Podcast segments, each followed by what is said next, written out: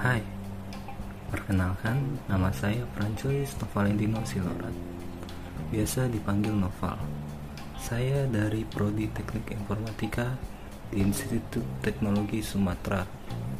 Selamat datang di podcast pertama saya. Gimana nih kabar kalian hari ini? Semoga selalu sehat dan bahagia ya sobat semua. Oke, pada podcast kali ini saya akan membahas tentang rencana masa depan. Sebelumnya, udah pada tahu belum sih gimana cara menyusun rencana untuk masa depan? Oke, saya kasih tahu ya.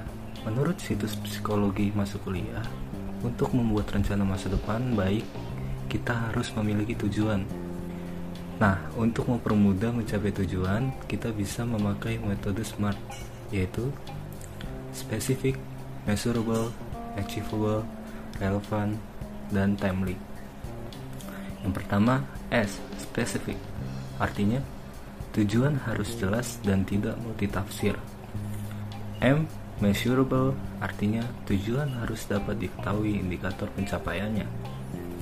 A, achievable. Artinya, sesuatu yang dapat dicapai dengan memberikan usaha tertentu.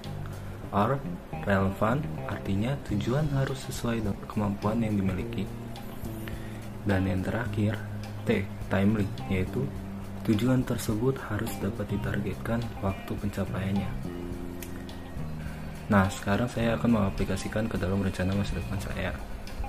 Yang pertama, spesifik, saya akan menjadi seorang front-end developer atau yang biasa dikenal programmer.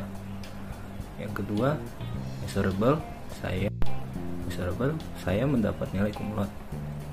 Achievable, saya akan mengikuti lomba dari program studi yang saya jalani. Relevan, saya akan mengikuti organisasi di perkuliahan dan juga seminar mengenai informatika. Timely, saya lulus 4 tahun, yaitu tahun 2025. Oke, sekarang sudah sampai di akhir podcast. Saya Noval, pamit undur diri. Sampai bertemu di podcast selanjutnya. 拜拜。